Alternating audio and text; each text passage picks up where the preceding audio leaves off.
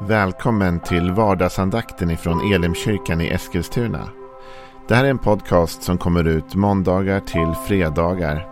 Om du vill veta mer om vilka vi är, vad vi tror på, hur du kan komma i kontakt med oss eller vad vi kan erbjuda dig för någonting så gå in på www.elimkyrkan.com.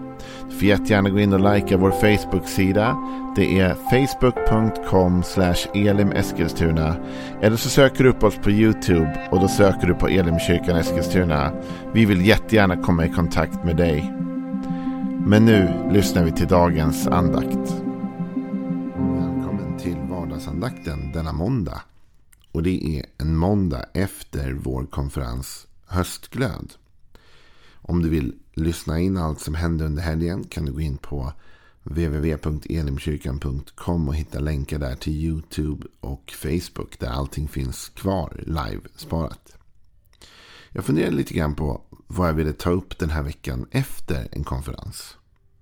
Och då ska jag ta med dig till Kolosserbrevets andra kapitel. Jag har en ganska stor bibel hemma som jag har fått av min, mina föräldrar. Med mycket utrymme i marginalen så man kan skriva i den. Och jag försöker göra anteckningar ibland när jag ser saker som jag reagerar på. Och i den här texten reagerade jag på en sak som känns väldigt relevant veckan efter en konferens. Och jag läser mer ifrån, andra, äh, från Kolosserbrevet 2 och vers 4 framåt. Detta säger jag för att ingen ska bedra er med övertalningsknep. För även om jag inte är hos er kroppsligen så är jag hos er i anden och glädjer mig när jag ser er ordning och fasthet i tron på Kristus. Liksom ni tog emot Kristus Jesus som Herren så lev i honom, rotade och uppbyggda i honom och grundade i tron i enlighet med den undervisning ni fått. Och låt er tacksamhet flöda över. Jag är ju, jag gillar konferenser. Jag är väldigt mycket för sånt. Jag tycker det är härligt att få komma samman en helg och allt blir lite extra, allt blir lite roligare och så vidare. Men jag vet också att tron lever inte av det. Lika lite kanske som ett äktenskap eller en relation kan leva enbart på en romantisk helg. De där helgerna behövs och de, de är viktiga. Men det bygger inte en hel relation. Och likadant är det med tron tron lever upp under en konferens och får nya intryck och blir starkare. Men man bygger inte ett trosfyllt eller trostarkt liv under en konferens. Eller bara under en konferens. I min marginal, vad hade jag skrivit där då? Jo, jag hade gjort en pil och så hade jag skrivit tron har en ordning. Fasthet. För det stod ju så. Paulus skrev, för även om jag inte är hos er kroppsligen så är jag hos er anden och glädjer mig när jag ser er ordning och fasthet i tron på Kristus. Det är inte det lättaste för mig jämt. Jag är en väldigt eh, flexibel människa. Jag är en sån där människa som gillar att, att liksom inte sitta för fastlåst i alla möjliga typer av ordningar utan vill få känna att det finns en frihet. Men jag vet också att många av de sakerna i mitt liv som har gått bra till skillnad från de saker som har gått dåligt. För ja, det har varit saker som inte har funkat i mitt liv också. Så vi är, du är inte ensam, vi är två. De saker som har gått bra har ofta ändå haft en grund av någon typ av ordning eller fasthet. Det har funnits någonting stabilt i grunden. Och när det har misslyckats så är det ofta av andra skälet. Det vill säga det fanns ingen grundordning utan jag bara tog allt på uppstuds eller chansade och i slutändan så gick det inte bra. Tron kan man ju tycka är flytande. Jag menar, Hebreerbrevet säger att tron är övertygelsen om det vi inte har sett. Beviset på det vi inte ser. Alltså det, hur ska man ens kunna liksom... Vi ser det inte ens. Finns det verkligen en ordning i det här? Men jag tror att det gör det. Och jag skulle vilja uppmuntra dig idag att få in en ordning i din tro. Vi kommer tala om det lite under veckan. Och det kan tyckas dystert. Men jag tror inte att det är det. För en sån som mig så är ju ordning och reda och eh, fyrkantiga boxar liksom, det är det tråkigaste som finns ungefär. Men vet du, det är inte det som är poängen. Poängen är inte att du ska ha en tro som är kategoriserad och enkel och här är det och det och det och det. Liksom. Utan poängen är att du ska lyckas. Och poängen är att Gud vill att du ska ha en stark tro. Gud vill att du ska ha mer tro. Liksom i funktion och i, i verkan. Och då krävs det en insats. Häromdagen, så var jag, eller för några veckor sedan, var jag nere och hämtade min, eh, mina barn på skolan. Och då ibland när jag kommer ner så brukar jag stå och prata lite grann med personalen där. Och fritidspersonalen. Och det har börjat en ny kille det här året som är jättetrevlig. Vi snackade lite grann så här. Och jag hade förstått att han höll på lite grann med, med sport. Hade jag förstått av mina barn. Så jag sa det så här. Ja, jag hörde att du håller på att sporta lite och så här. Ja, och det visade sig att han var ganska duktig på det. Jag sa, jag har hört att du är ganska bra i det. Ja, jag har åtta SM-guld, sa han. Va? Blandat och junior och lite annat. Men ändå. Och så började vi prata vidare. Jag insåg att den här killen jobbar inte. Han är hyfsat ung, men han jobbar inte heltid. Utan han jobbar en viss procent så att han kan lägga en viss procent på sin träning. Och det gör ju att han såklart förlorar lite pengar då varje månad.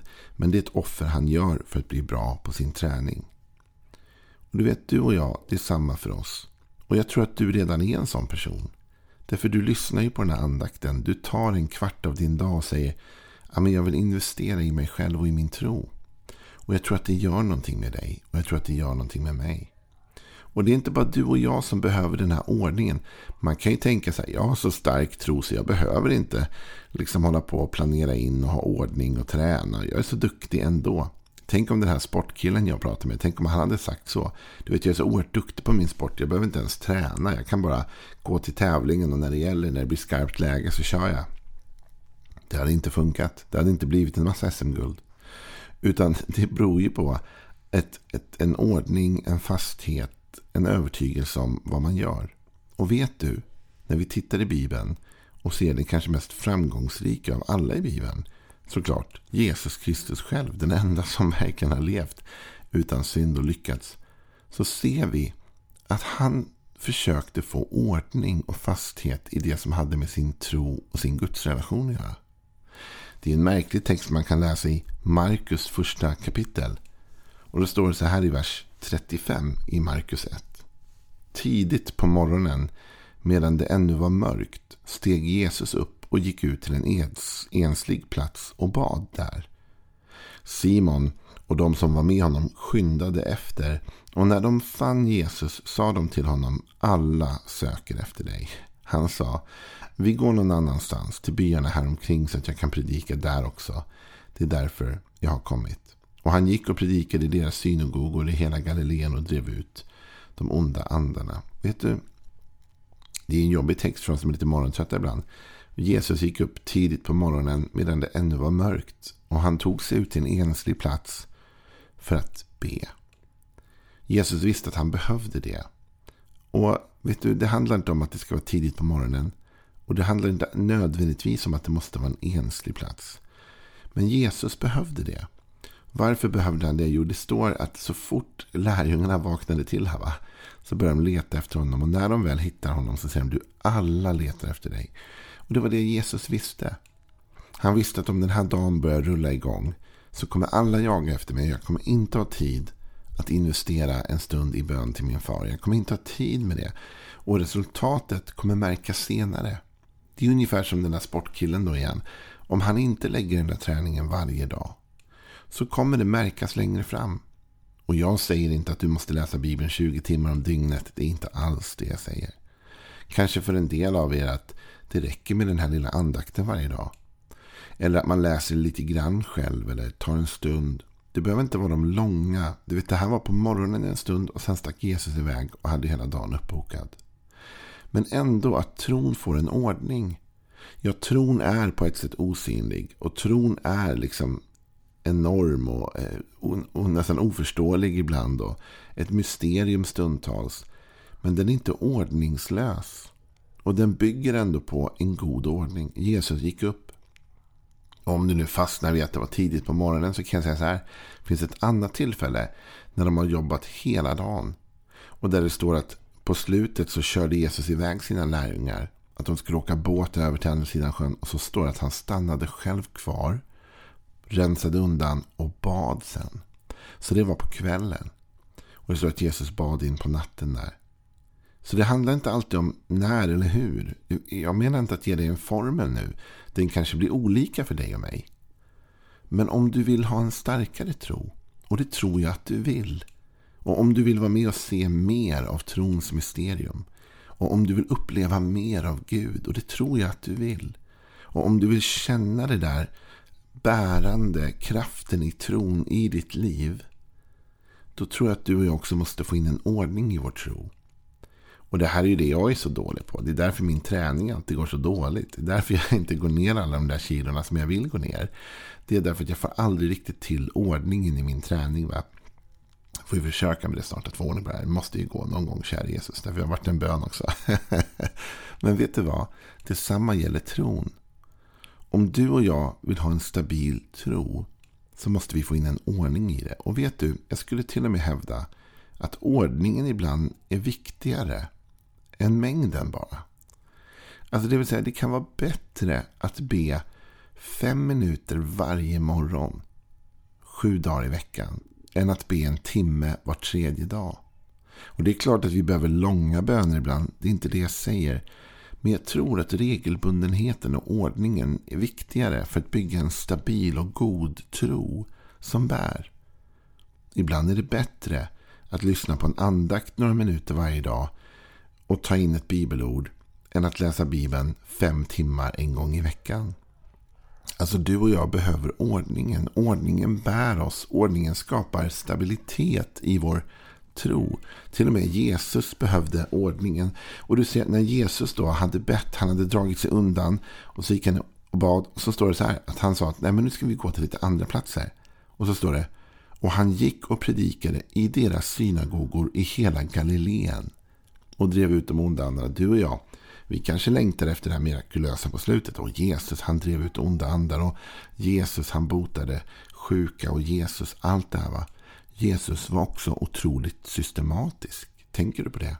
Han gick till en plats, synagogan. Och han gick i hela Galileen. Det är som att Jesus har bestämt sig för en färdplan här. Han ska gå runt i hela Galileen. Och sättet han tänker göra det på är att han tänker gå först och främst till synagogorna. Sen vet vi att han mötte folk på vägen och det hände grejer lite här och var. Ja, men det är klart att det vart så också. Men poängen är att Jesus starka tro, den tro som till slut drev ut onda andar, gjorde mirakel, botade sjuka, den var inte ordningslös. Tvärtom, den var väldigt strukturerad. Han tog tid ensam att be. Ibland på morgonen, ibland på kvällen. Och när han skulle ut och göra sitt arbete för, för Gud så fanns det en ordning i det. Han sökte upp vissa platser medvetet och i vissa områden medvetet. Och då skedde det också mirakel i den medvetenheten. Det här är min poäng. Att jag tror att när du och jag hittar en ordning i vår tro så kommer mirakel ske utifrån den ordningen. Det finns ett sånt mirakel i Apostlagärningarna i Bibeln i det tredje kapitlet. Vi läser bara några verser. Petrus och Johannes var på väg upp till templet vid bönetimmen den nionde timmen. Då bar man dit en man som hade varit förlamad från födseln. Varje dag sattes han vid den tempelport som kallas sköna porten för att tigga av dem som gick in i templet. När han nu såg att Petrus och Johannes skulle gå in i templet bad han om en gåva. Då fäste de blicken på honom. Petrus sa, se på oss. Mannen såg uppmärksamt på dem och väntade sig att få något. Men Petrus sa, silver och guld har jag inte, men vad jag har, det ger jag dig. I Jesu namn, res dig och gå. Eller i Jesu Kristi Nazarens namn, res dig och gå. Han grep honom i högra handen och reste honom upp och genast fick mannen styrka i fötter och vrister. Han hoppade upp och stod upprätt. Och så fortsätter berättelsen. Men vet du vad poängen är? Det här är ett spektakulärt mirakel, eller hur? Ett otroligt mirakel. Och det sker utifrån en otroligt tråkig och grå inramning kan man säga. Det funkar ju så här. Att de är på väg upp till bönetimmen som de brukade varje dag. Varje dag gick lärjungarna upp till templet vid bönetimmen den nionde timmen. Det var en ordning man hade. Så länge man fick innan man blev utslängd ur templet och utslängd ur synagogorna. Men så länge de första lärjungarna, apostlarna fick så gick de till synagogan som Jesus hade gjort. Vid bönetiderna, vid bönetimmen. Så kan du tänka dig Petrus och Johannes den här gråa dagen. De vaknar upp. De kanske inte tror att ett mirakel ska ske. De kanske inte ens känner för att gå till bönetimmen. De kanske är lite trötta nu på eftermiddagen och känner att nej, men jag orkar inte. Klockan är tre eller vad det är. Jag orkar inte gå till den här grejen. Och så helt plötsligt så bestämmer de sig ändå för att vi går. För vi har den ordningen. Det är vår rutin. Det är vår tradition. Det är vår liksom. Vi går dit. Och då sker miraklet. Vet du vad jag tror? Jag tror att om du och jag hittar en god ordning för vår tro. Att vi tar en liten stund varje dag. Den behöver inte vara hur lång som helst. Men vi hittar någon typ av ordning. Så kommer mirakel att ske utifrån det. Ja, jag kommer att prata mer om det här hela veckan. Och mitt mål är inte att nu, åh vad tråkigt, nu ska vi sitta och prata om ordning. Ingen vill ha det. Det är inte det som är poängen. Poängen är, jag vill att din tro ska bli stark. Jag vill att min tro ska bli stark. Jag vill att du och jag ska lyckas. Och då tror jag vi behöver ordning. Du, vi fortsätter imorgon med mer tankar. Det kommer bli spännande. Missa inte det. Hej då.